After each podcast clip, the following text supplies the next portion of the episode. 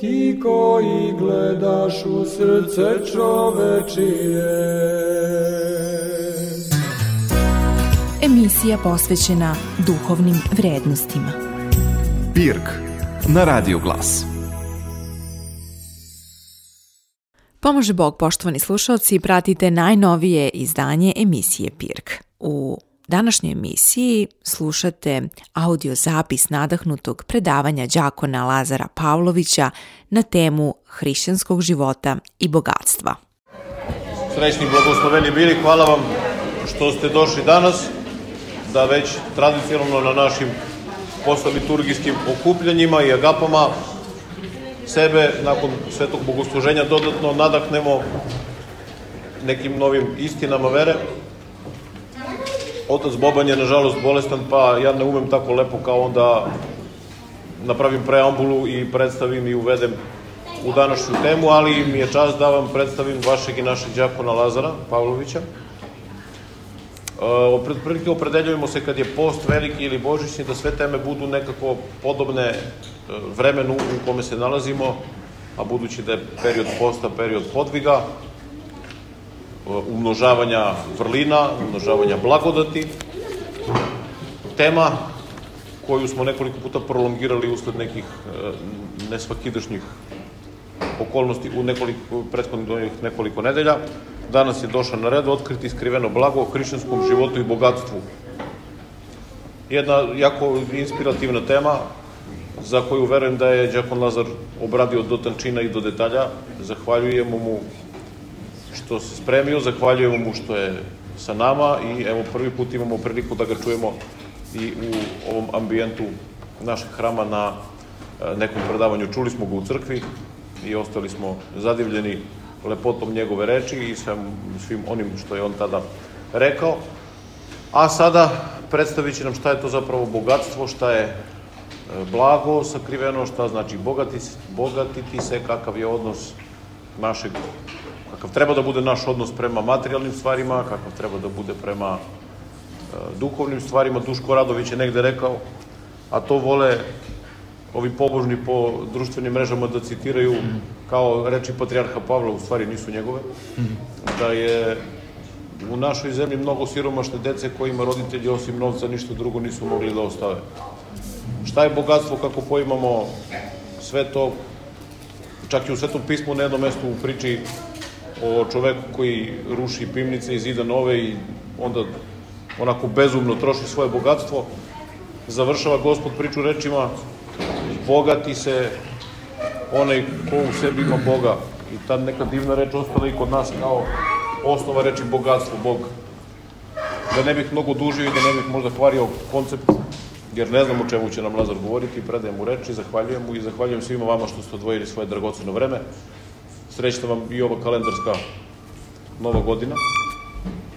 Neki je zovu satanska, neki je zovu paganska, ja je zovem samo kalendarska, mislim da je, nije ništa više od toga. Srećna vam i blagoslovena, dočekite u radosti, neka vam je uh, srećno i to, a mi ćemo slaviti Božić sledeće nedelje kad dođe vreme. Uh, reč ima Đakon Lazar, hvala vam. Hvala oče Dalibore, ovaj, draga braćo i sestre, dragi prijatelji, kako je gospod nazivao učenike svoje, ali ne samo učenike, nego je nazivao tako i svoje zaista prijatelje, Martu, Mariju, Lazara. E, evo mene ovde sa vama da, što se kaže, napravimo jednu gozbu reči, da razmenimo naša, naša viđenja o, o ovoj temi koja, kao što je otac Dalibor već pomenuo, e, ja ću danas govoriti na temu e, otkriti skriveno blago o hrišćanskom životu i bogatstvu. E, suštinski, trebalo bi da kažem nešto zašto sam se opredelio baš za ovu temu. Jedno od e, velikih tema koje prati ljudski rod još iz biblijskih vremena, još od antike, jeste odnos nas ljudi prema bogatstvu, odnos bogatstva i siromaštva, te u prvom redu socijalne podele, a kasnije i koje mogu dovesti čak i do nekakvih duhovnih podela, jer odnos prema materijalnom u velikoj meri opredeljuje i naš odnos prema duhovnosti, odnosno koliko se mi trudimo da napravimo otklon od iskušenja materijalnog, toliko će i naša duhovnost biti plodotvorna. Međutim, e, mi kao pravoslavni hrišćani nikada ne treba da govorimo o nekoj temi koja je kompleksna, a, a da ne govorimo to na osnovu Svetog pisma. Sveto pismo je izvorište svih onih e, znanja i e, inspiracije na osnovu koje mi možemo razumeti i trasirati i naš duhovni život. To su sveti oci odlično znali, jer e, kada govorimo, evo jedna mala digresija o tumačenju svetog pisma, zapravo čitava otačka teologija i sve ono što su sveti oci pisali je zapravo bila jedna, jedno veliko tumačenje svetog pisma. Ništa oci nisu govorili, a da to nije bilo na osnovu svetog pisma i na osnovu iskustva liturgije. Pa tako ćemo i mi danas da se držimo te dve kotve, držat ćemo se ta dva pravca. E, kad govorimo o bogatstvu, bogatstvo je, dragi moji, nešto što e, u velikoj meri opredeljuje neka mesta u Svetom pismu, pre svega Starog Zaveta. E, o ovoj temi Sveto pismo govori na mnogo mesta, na različite načine, pod različitim okolnostima. Međutim, ja sam eto za prilike ovog našeg razgovora, ove naše gozbe reči, e, izdvojio neke od njih i e, trudio sam se da ih nekako podelim tako da to bude nama e, prijemčivo, da možemo prosto da razumemo kako sveto pismo poima bogatstvo. U Starom Zavetu odmah treba reći, poći od osnovne činjenice, jeste da Stari Zavet insistira na tome da je bogatstvo dar i blagoslov Božiji. Šta bi to otprilike značilo? E, bogatstvo je znak Božijeg blagoslova, Božijeg prisustva, izabranosti i zapravo kada bi neko bio bogat u Starom Zavetu, to bi značilo da je on u svom životu pre svega pokazivao pravednost, a zatim i poslušnost Bogu. Gde to možemo da vidimo?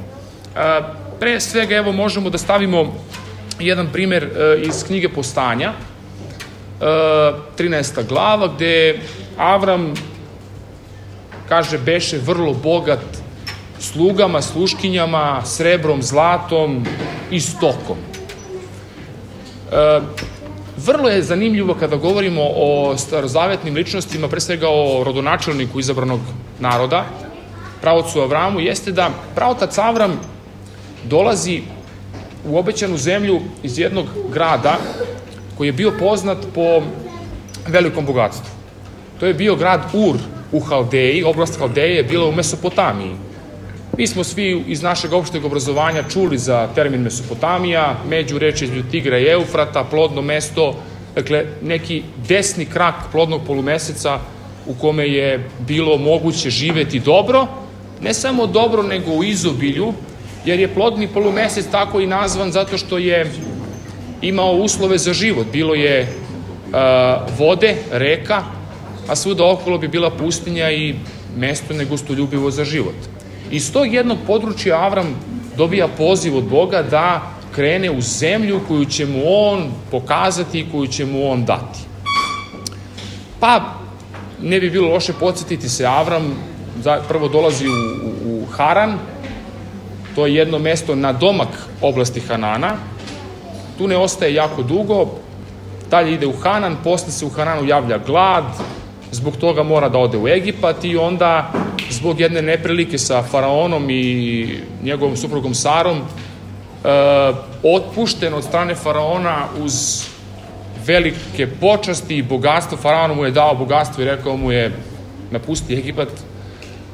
E, dao mu je srebro, zlato, stoku i na osnovu toga vidimo da se Avram vraća u Hanansku zemlju, mesto gde će mu biti i postojevina, sa velikim bogatstvom. I kada god Bog daje blagoslova Avramu. On uvek govori, prvo mu govori da će njega, njegovo potomstva biti kao zvezda na nebu ili peska u pustinji i da će ga blagosloviti svim darovima koji su uh, bili vidljivi u Svetom pismu, vidimo kako je Avram zapravo blagovao u svom životu. Dalje, vidimo primer kada se ženi njegov sin Isak, treba da se isprosi devojka, Avram šalje svog slugu ovaj, jednom čovjeku po imenu Lavan i tamo ovaj, sluga govori o, o svom gospodaru Avramu kao nekome koji je imućan, koji ima, eh, na kome počiva puno blagoslova Božijih, a jedan od blagoslova Božijih je zapravo i materijalno bogatstvo. Vrlo, vrlo je jasno. E, takođe, vidimo primer knjige Jova, vi si, čuli smo prilike eh, koje je muke imao pravedni Jov, ali knjiga o Jovu počinje time kako se nabraja koliko je on imao e, grla stoke, 7000 kamila, 3000 grla goveda, e, 7 sidoma i 3 ćeri, dakle, e, jako puno zlata, Ka, kaže se, Biblija ga predstavlja kao jednog od najimućnijih e, ljudi istoka, starog istoka, znači, ako je to tako, onda je njegovo bogatstvo bilo zaista veliko. Da ne ulazimo dalje u Jovove muke, to je već jedna druga tema, pomenjemo ga samo kao primer a, prvobitnog blagoslova koji je Boži, koji je počivao na pravednom Jovu. E, takođe, priče Solomonove u desetoj glavi govore o blagoslovu Božijem koji donosi bogatstvo. Božiji blagoslov ne podrazumeva samo dug i miran život, ne podrazumeva samo zaštitu od neprijatelja, nego podrazumeva i materijalnu zbrinutost, bogatstvo koje... I šta nam ovo, ovi primjeri iz Starog Zaveta govore? Starozavetna ideja bogatstva, materijalne imućnosti, a, bila je takva da su a, ljudi, izabrani ljudi Boži, a, nisu samo, kad kažemo oni su imali blagoslov Boži, pa su živeli, eto, tek tako životarili, kako bismo bi rekli, nego bi blagoslov Boži u starom zavetu podrazumevao kompletan blagoslov koji uključuje i materijalno bogatstvo. Da neko može da živi, što kaže naš narod, ono, serbez, može da živi u izobilju na zemlji, ali to je bio njegov uh, osnova za to je bio blagoslov koji je on stekao kroz pravednost, kroz dobročinstvo, kroz sve ona dela koja su bila podobna Bogu i ugodna Bogu. Dakle, to je prva, te, prva, prva stavka koju treba da razumemo, jeste da je bo, bogatstvo dar Božiji. Dalje, imamo ideju da je u starom zavetu da je bogatstvo dato ljudima na upravljanje. Dakle, bogatstvo nije naše, nego nam je Bog dao bogatstvo da njime ekonomišemo, jer reč ekonom znači neko ko upravlja, raspoređuje. Šta bi to značilo onda? To bi značilo da ako neko dobija od Boga blagoslov, da ekonomiše stvarima, odnosno materijalnim dobrima, to znači da on treba da se stara o potrebitima, to su dakle siromašni ljudi, ljudi sa margine kojima je bila potrak i Mojsijev zakon zapoveda da se ima brinuti o takvim ljudima. E, I sa druge strane vidite takođe isto i jedan e, veoma bitan aspekt, a to je i pomoć e, levitskom sveštenstvu, pomoć svima onima kojima je bi bila pomoć potrebna. I na taj način neko ko bi imao bogatstvo, e, izbegavao bi iskušenje da svoje srce isključivo veže za bogatstvo, nego da to što ima može da podeli sa drugima. E, takođe, u Starom Zavetu se bogatstvo posmatra i kao neka vrsta, moramo to da pomenemo, jer je pitanje bogatstva i pre svega socijalna tema, pa i siromaštva s druge strane, kao ovaj, antipodu. E, jedna vrsta socijalne nivelacije. Kako je se to dešavalo u Starom Zavetu? Pa vrlo e, jednostavno. Mojsijev zakon, recimo u knjizi Levitskoj, 19. glavi, 9. stihu, e, govori se da e, onaj ko ima vinograd ili onaj ko ima njivu, da ne bere vinograd svoj do kraja, da ne skupi plodove sa njive svoje do kraja, nego da jedan deo ostavi kome? Siromašnjima, potrebit, potrebitima, da bi oni mogli da se nasite. Dakle, na taj način je Mojsijev zakon uh, prosto stvarao jednu socijalnu nivelaciju, jedan so, socijalni uh, red i poredak koji bi imao za posledicu uh, između pre svega duhovnu dobrobit, ali i jedno, jedan mir, kako bismo rekli, uh, u društvu na neki način. Prosto, e, e ipak imamo, takođe i Stari Zavet govori o bogatstvu kao kategoriji koja je prolazna. Vrlo interesantno kaže Psalam 49. 16. i 17. stih govori slavu i bogatstvo niko neće poneti u smrt sa sobom. Mislim, ovo je, da kažem, parafraza. Taj stih, ti stihovi govore upravo o tome. To je ono, uh, ima ona, ne znam, pes, pesma ko, ko, ko, ko već izvođač kaže, stani malo čoveče, prokleti, nećeš ništa u zemlju poneti. Dakle, e upravo, motiv za te stihove može biti uh, ovaj salamski stih gde prosto niko ne, bogatstvo je prolazno i prema njemu se treba odnositi kao prolaznoj kategoriji koja nama služi. Dakle, nama služi, a ne mi tom fenomenu. S druge strane, Stari Zavet ipak, iako, iako vidi bogatstvo kao blagoslov, kao mogućnost e, socijalne pravde, Stari Zavet e, i tekako ističe i opasnost materijalnog bogatstva, jer vidjet ćemo kasnije u Novom Zavetu, e, čovek koji je bogat, e, sveti oci su vrlo često govorili o bogatstvu kao bremenu. Zašto kao bremenu? Pa stvari stoje ovako.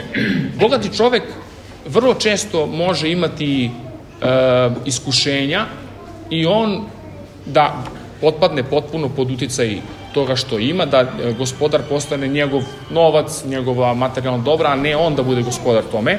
I on je nekako uvek na ivici žileta, kako bismo rekli. Znači, može uvek da bude e, sa ove ili sa, sa bogougodne ili sa one druge strane. Ali treba znati jednu stvar. Stari zavet ističe da ni bogatstvo, ani siromaštvo nisu vrline po sebi. Znate, nisu, e, ne može, e, Stari Zavet ne poznaje kategoriju siromaštva kao vrline po sebi. Niti bogatstva kao vrline po sebi. Već upravo zato što postoji bogatstvo i bogati ljudi, a sa druge strane i oni koji su potrebiti, sve ove navedene stvari i kao dar Boži, blagoslovi, kao e, bogatstvo dato na upravljanje i tako dalje, sve oni služe da se vrline ljudske e, ističu kroz međuodnos ljudi, bogatih i siromašnih. Dakle, kroz njihov međusobni odnos treba da se jave vrline. A jedna kategorija, neko je bogat, to nije po sebi vrlina. Neko je siromašan, ni to nije vrlina po sebi. E, u Starom Zavetu nije postojala glorifikacija siromaštva. To je vrlo, vrlo interesantno, što nije slučaj sa, recimo, e, hrišćanskim srednjim vekom, gde je bogatstvo posmatrano kao vrlina po sebi. Za to postoje uzroci, ali mislim da nemamo dovoljno vremena da o tome pričamo, to može neka druga tema, e, ali o tom potom možemo nekada i o tome da pričamo. E, iskušenja bogatstva jesu da treba izbjegavati gramzivost i, i, i dolopoklonstvo prema novcu. Jer e, zapravo e, knjiga propovednikova u petom, petoj glavi u desetom stihu kaže da je koren zla čovek koji se poklonio novcu, odnosno bogatstvu. To je koren zla. Sve ostalo dalje ide svojim tokom i kada čovek jednom poklekne, onda se njegovo srce vezuje za nešto što nije Bog. Nije ličnost tvorca, nego je e, tvorevina koja postaje gospodar onome koji, ko, koga je Bog naznačio da bude njegov saradnik, njegov e, prijatelj i onaj koji će prinositi čitav svet Bogu. Pa kad kažemo čitav svet možemo reći i, i između ostalog i ta materijalna dobra. Zato materijalna dobra služe, vidjet ćemo u Novom Zavetu, služe da bismo došli do carstva Božijega, a to ćemo nešto kasnije.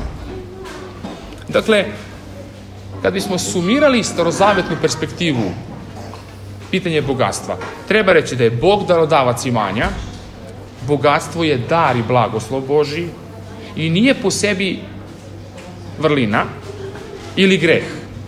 To je jako bitno. E, već je ključ e, u čovekovom životu odnos prema tomu.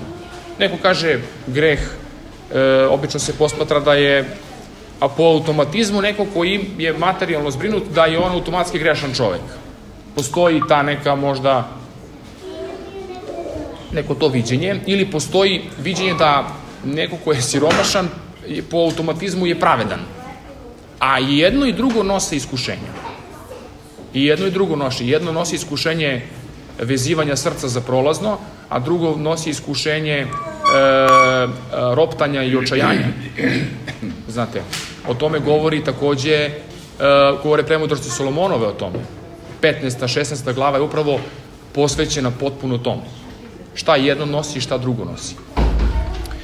E, međutim, ako, evo danas je nedelja pravo taca, odnosno pravo taca otaca Hristovih po telu u smislu e, njegovih e, predaka, I kada to vidimo i kad pročitamo to je taj odlomak iz Evanđelja po Mateju, vidjet ćemo da Stari Zavet i Novi Zavet imaju jednu neprekinutu nit.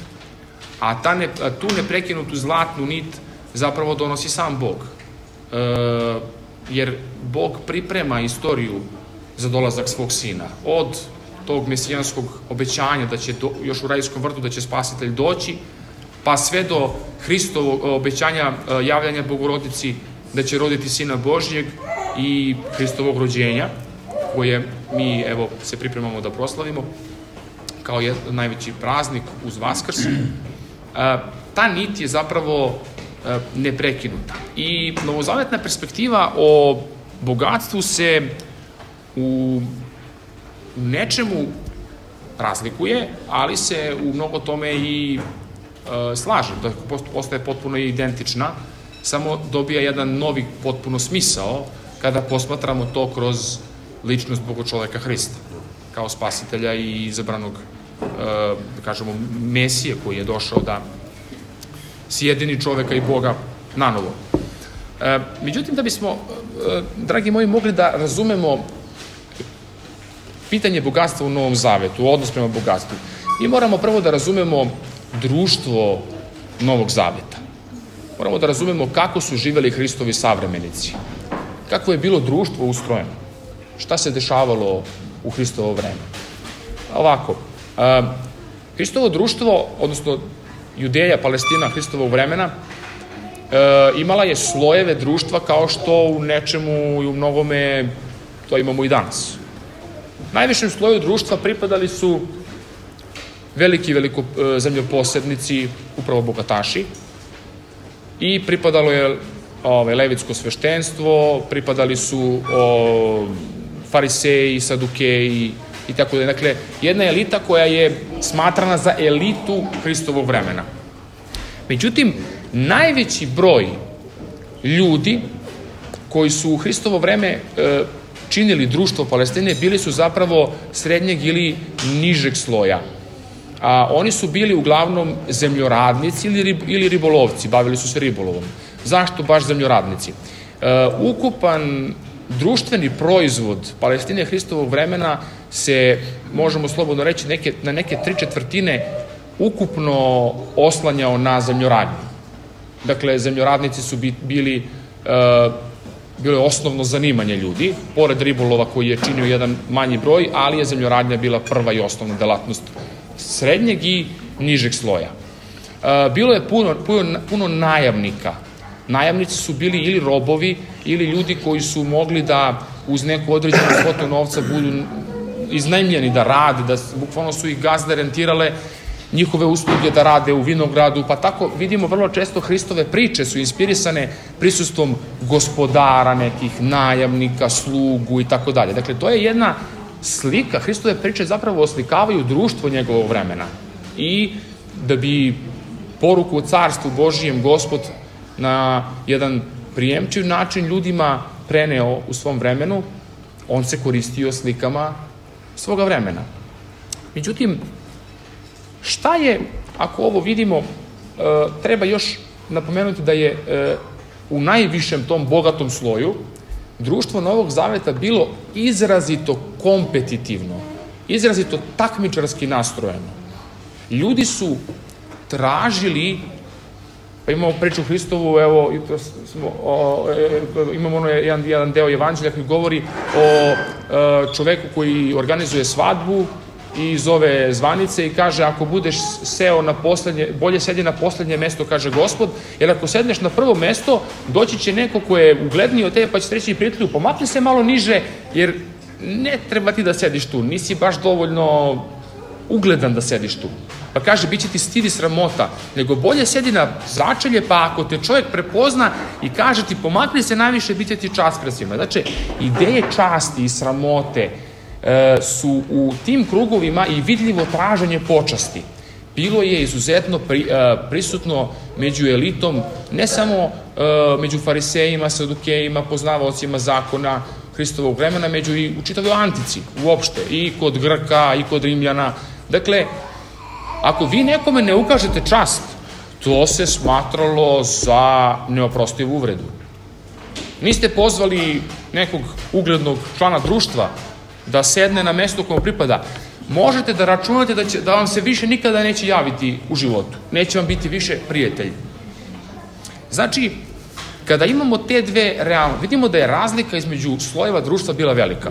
Jedni koji se grabe za počasna mesta, žive u izobilju, ne zanima ih da li je da li imaju 1, 2, 3, 5 hektara zemlje, imaju mnogo, i ovih koji mučenici non stop rade, preživljavaju.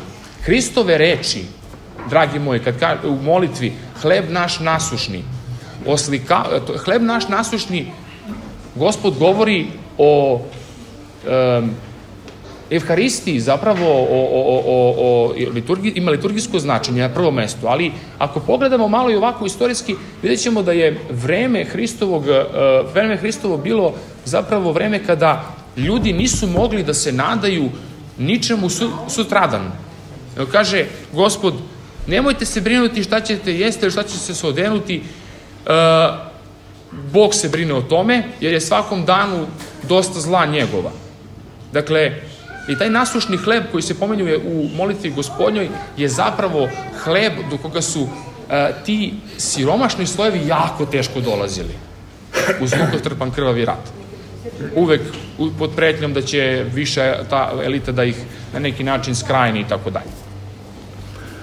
Osnovna stvar od koje polazi novozavetna perspektiva, tačnije perspektiva koju donosi sam gospod, Božja perspektiva, u odnosu ljudi prema bogatstvu jeste sledeće. Carstvo Božije treba da bude na prvom mestu. Šta gospod kaže u Evanđelju po Mateju 6. glava 33. stih? Kaže, ištite najpre carstvo Božijeg i pravdu njegovu, a ostalo će vam se pridodati. Po tim ostalo, neki tumači Novog Zaveta smatraju i materijalno bogatstvo. Dakle, bit će tu i bogatstva koje će, će imat ćete i da živite, što se kaže, u izobilju. E, međutim, gospod nas poziva da e, njegova perspektiva nije samo da se mi, da mi ne tražimo prvo carstvo Božije, nego je njegova perspektiva toliko radikalna da on kaže nemojte se brinuti čak ni za sutra. Pazite to. Ko od vas ovde ne može da ne misli za sutra šta će jesti ili piti? Jel ima nekog od vas? Od nas. Ko, da, od nas, da. Svi mi ovde imamo tu potrebu, da tako? Svi mi se staramo ne za sutra, nego za prek sutra, za mesec, za godinu dana. Mi planiramo i vodimo brigu o tome kako ćemo doći do nečega što će nam osigurati osnovnu egzistenciju, dakle, život sada i ovde, hleb nasušni upravo, u tom smislu kome smo pomenuli malo časa. Međutim, a, imamo primer odnosa prema bogatstvu gde čovek ne može da izađe iz okvira koje mu je zadalo njegovo idolopokloničko uh, staranje o bogatstvu. primer bogatog mladića. Dolazi kod, dolazi kod gospoda i kaže, to je Matij 19. glava, kaže ovako, gospode, šta mi treba, učitelju blagi, šta mi treba da učinim da nasledim život večni? Pazite, to je vrlo ozbiljno pitanje. Tema života večnog u, u Novom Zavetu u Hristovo vreme među farisejima pogotovo i učiteljima zakona bila jako ozbiljno pitanje. A gospod mu kaže, uh, odnosno on kaže ja ne, ne, činim, ne činim preljubu, ne činim nikakve grehove, znači šta mi još nedostaje? I gospod mu kaže, uzmi svoje imanje, razdaj siromasima i bit ćeš savršen. Sav, savršen da budeš, da. Pazite sad ovako. Mnogi govore o tome kako on, ovaj mladić dolazi sa jednom iskrenom namerom kod gospoda. Međutim, mislim da nije tako. Njemu zapravo Hristos nije ni potreban, dragi moji. On je došao jer je on svestan da on ima te vrline po Mojsijevom zakonu koje vrši, to, to, to, to, to taksativno je pobrojao, Kaži mi, gospode, učitelju, šta, treba da, šta mi još treba da imam život večni? Kao da razgovaraju o Ka, kao on e, o carstvu i večnom životu razgovara u kategorijama bogatstva. Šta mi još treba da nasledim to što me svakako sleduje? A gospod onda kaže, aha, ako me već to pitaš, evo ti odgovor. Razdaj svoje, sve svoje imanje siromasima. Jer gospod zna da taj zahtev za njega će biti neispunjiv. Gospod zna to. I on žalostan otide od gospoda. I onda gospod dalje govori u nastavku uh, jer gde je srce vaše, on, gde je blago vaše, onda će biti i srce vaše. E sad, kad uh, pričamo o blagu tom koje naše srce treba da otkrije i gde će naše srce biti. Evo videli smo na primjeru bogatog mladića, njegovo srce je vezano za to što je on stekao. Je tako? Kao i ono što je otac Dalibor u uvodnoj reči pomenuo o bezumnom bogatašu koji gradi pivnice nove, nema da mu, ne može da mu stane sve u stare, pa on to ruši, ima novca da sruši sve da napravi novo i da napuni ponovo. I kaže, dušo moja, ti jedi, veseli se u za mnoge godine, ali onda kaže e, bezumniče, još ove noći doći će tražit će dušu tvoju. I apostol Luka insistira uh, u tome da, na tome da zapravo uh, da onaj koji se ne bogati Bogom i vrlinama, bogatstvo samo po sebi mu ne može obezbediti te vrline. U nekom smislu. Ali donekle i može. A jedna stvar je vrlo zanimljiva. Kaže, upotreba bogatstva za potrebe carstva Božijeg. Ima jedna a, priča o nepravednom upravitelju kod evanđelista Luke u 16. glavi, gde govori o jednom čoveku koji je gospodaru koji je imao puno bogatstva i imao je jednog upravitelja. Šta bi bio upravitelj? Pa to bi otprilike bio ekonom. Znači neko ko, ili ti računovođa, kako bismo rekli. Znači neko ko brine o bogatstvu uh, ovaj, svog gospodara. I kaže njega neko okleveta da on rasipa imanje gospodara, uh, svi otprilike znamo tog priče, gospodar ga poziva, kaže položi mi račune jer nisi dobro upravljao mojim domom, I sad dolazi jedna vrlo velika dilema za tog čoveka upravitelja. On kaže, a, šta da radi sad? Kaže, a, kopati ne mogu, a prosim stidi, stidim se. Ove reči govore o tome da on nije bio neki prosti sluga koji je samo tamo obavljao posao, nego je bio ozbiljan pripadnik elite tog vremena i on radi sledeću stvar. Zove jednog gospodarevog dužnika, to nije ob, klasičan dužnik, uh, objasnit ćemo na koji način nije, i kaže koliko si ti dužan uh, mera ovaj, pšenice mom ovaj, gospodaru, on kaže 100 mera, kaže uzmi brzo napiši 80. Dolazi drugi, kaže koliko si ti dužan mom gospodaru ulja, on kaže 100 mera napiše brzo 50. I on to radi da bi tim ljudima učinio uslugu da kad ga gospodar evidentno otpusti sa radnog mesta, da on može da ode kod ovih tamo da ga oni zbrinu, jer im je učinio veliku uslugu. A pazite kakva je to usluga. Taj, kaže tamo, evo, uh, baš volio bih da čisto uh, vidimo to ovaj, uh, mesto, kaže 100 mera ulja i drugi je bio uh, o 100 vreća pšenice.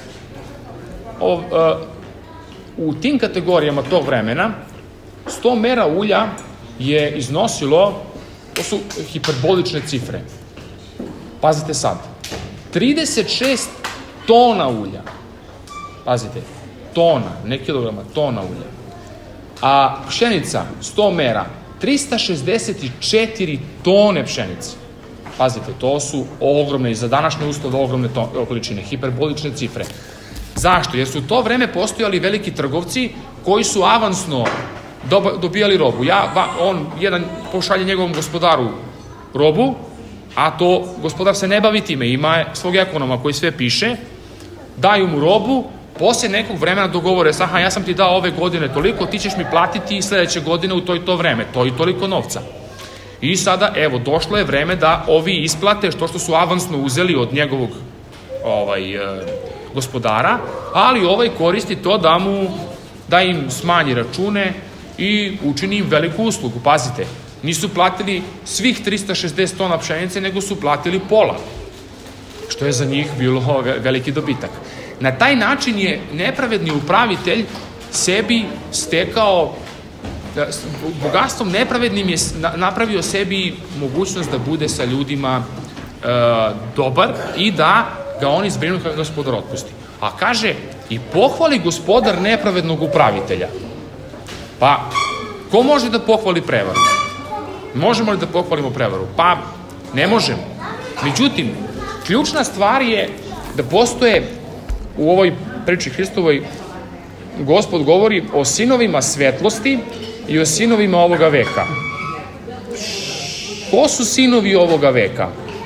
Sinovi ovoga veka po apostolu Pavlu su, e, recimo, prva poslanica Korinčanima, 20. glavi govori se, kaže, gde je prepirač ovoga veka, gde su poznavaoci zakona, tako je Hristos došao, to je zapravo neko ko od sinovi ovoga veka su ljudi koji e, žive po sistemu upravo ovog nepravednog upravitelja.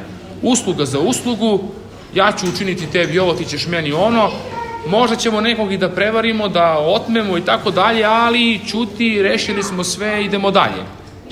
Jer imamo danas, danas plivamo u takvim primerima, na sve strane. Tako?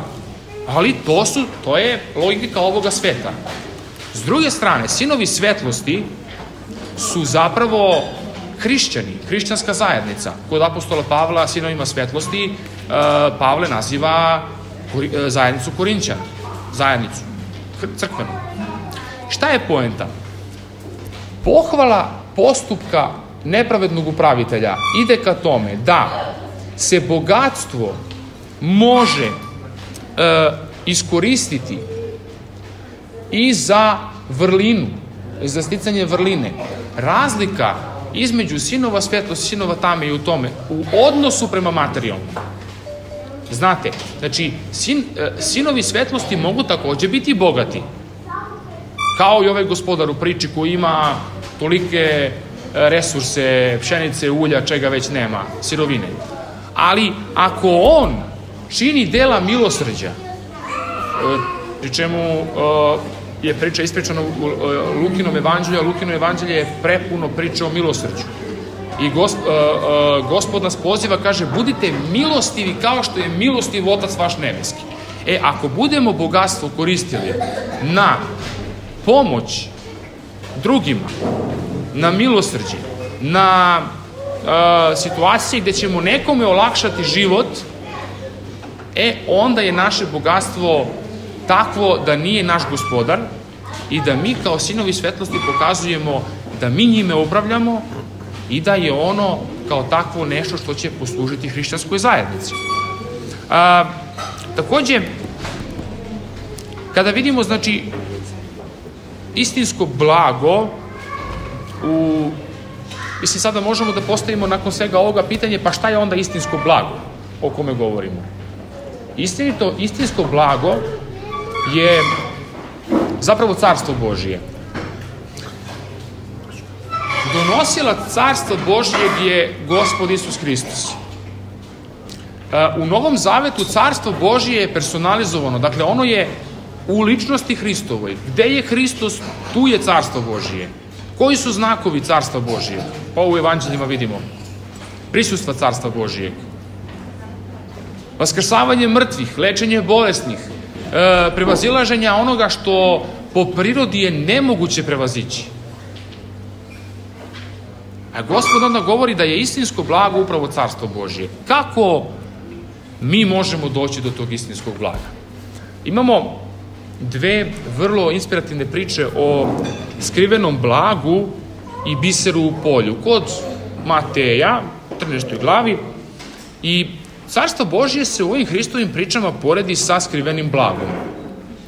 E, gospod ovom pričom hoće da e, naglasi vrednost tog neprolaznog blaga. Carstvo Božije e, kao realnost zajednice sa Bogom. Šta je za nas Carstvo Božije? Carstvo Božije, iako je to vrlo velika tema, ali u najkraće možemo reći, kada smo sa gospodom, to je Carstvo Božije. Kada je gospod sa nama, kada smo u njegovoj blizini, kada prebivamo, naravno mi ovde u crkvi imamo sada predukus Carstva Božije, a Carstvo Božije će se ostvariti u potpunosti drugim dolaskom Hristovim. Međutim, i sada i ovde mi možemo da okusimo od tog carstva. Kao kada spremate hranu, pa još uvek ta hrana nije gotova, mi, ali sastojci od koje spremamo, probajući sastojke, mi možemo da naslutimo kako će biti to jelo. Mislim, prosto da malo to e, e, objasnimo na jedan ovako nama svima način koji je jednostavan. Ja sam recimo tu paralelu čuo od jednog sveštenika kad sam ja bio đak bogoslovije, e, kako je on meni objasnio carstvo nebesko i to mi je ostalo eto, ovaj, na, na, na pameti. Pa delim sa vama. E, ko Hrista nađe, on osjeća neizmernu radost. Kakvu radost? Priča o e, čoveku trgovcu koji nađe biser u svom polju, šta on radi? Kaže, našo biser u polju i toliko se obradovao, čak, se, čak e, e, je radost pokušavao i od sebe da sakrije, da se toliko smiri da kaže, čekaj, čekaj, polako, polako, sam ja siguran da je ovo biser, da ja ću sve drugo da prodam, sve ću drugo da uh, odbacim od sebe, samo da uzmem taj biser. Istorijski gledano, gospod koristi tu paralelu bisera zato što je biser na starom orijentu bilo nešto što je neizmjerno bilo vredno. Ljudi su putovali od Persije, Afrike, Crvenog mora, Egipta, da bi dolazili do, e, do tih e, dragocenosti. I dobar poznavalac bisera, trgovac je, bi znao koja je njegova vrednost. E zapravo, e, ako, bi, ako bi trgovac učinio sve da dođe do bisera, Pa pouka priče je šta mi treba da činimo sve da bi došli do carstva Božijeg. Ako je nepravedni upravitelj mogao da prevari svog gospodara, da bi došao do boljeg položaja, da bi se snašao, pa šta mi treba da uradimo da bi došli do gospoda? Sve. E sada, naravno, e, taj, e, ovde se zapravo govori o tom trudu koji treba da uložimo da bismo, a taj trud se ogleda u duhovnom, duhovnoj izgradnji, u radu na vrlini. E, I tu vrlinu možemo da steknemo čak i korišćenjem bogatstva. E, hrišćanska zajednica treba da bude tako ustrojena e, kao što govori dela apostolska pa i poslanica apostola Pavla da međusobno postoji jedan, jedno saosećanje ohristovljeno saosećanje, saosećanje ljubavi, pažnje, brige, Bez toga, ako mi na tom najnižem nivou ne možemo da budemo bliski jedni drugima, kako li ćemo tek biti u nekim duhovnim sferama koje iziskuju ne, nekakve druge žrtve. Međutim, hoćemo da se vratim ponovo na to. E, jedno od, e, e, jedno od velikih iskušenja za svakog hrišćanina može biti materijalni metak. Ali opet treba naglasiti. bogatstvo, kao i siromaštvo, u sebi nisu vrline. Samo otvaraju različite horizonte, različite puteve kretanja jedne ličnosti. Bogatstvo nosi jedna iskušenja, siromaštvo nosi potpuno druga iskušenja. A što kaže apostol Pavle, nosite bremena jedni drugih.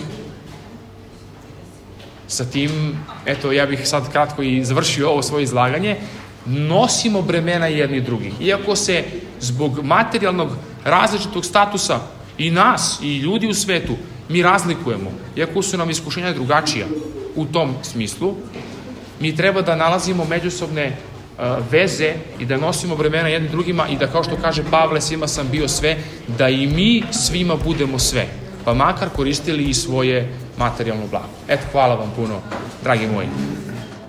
Poštovani slušalci, čuli ste audio zapis predavanja đakona Lazara Pavlovića na temu hrišćanskog života i bogatstva. Predavanje je održano u nedelju svetih otaca nakon liturgije u hramu Svetog cara Konstantina i carice Jelene u Nišu.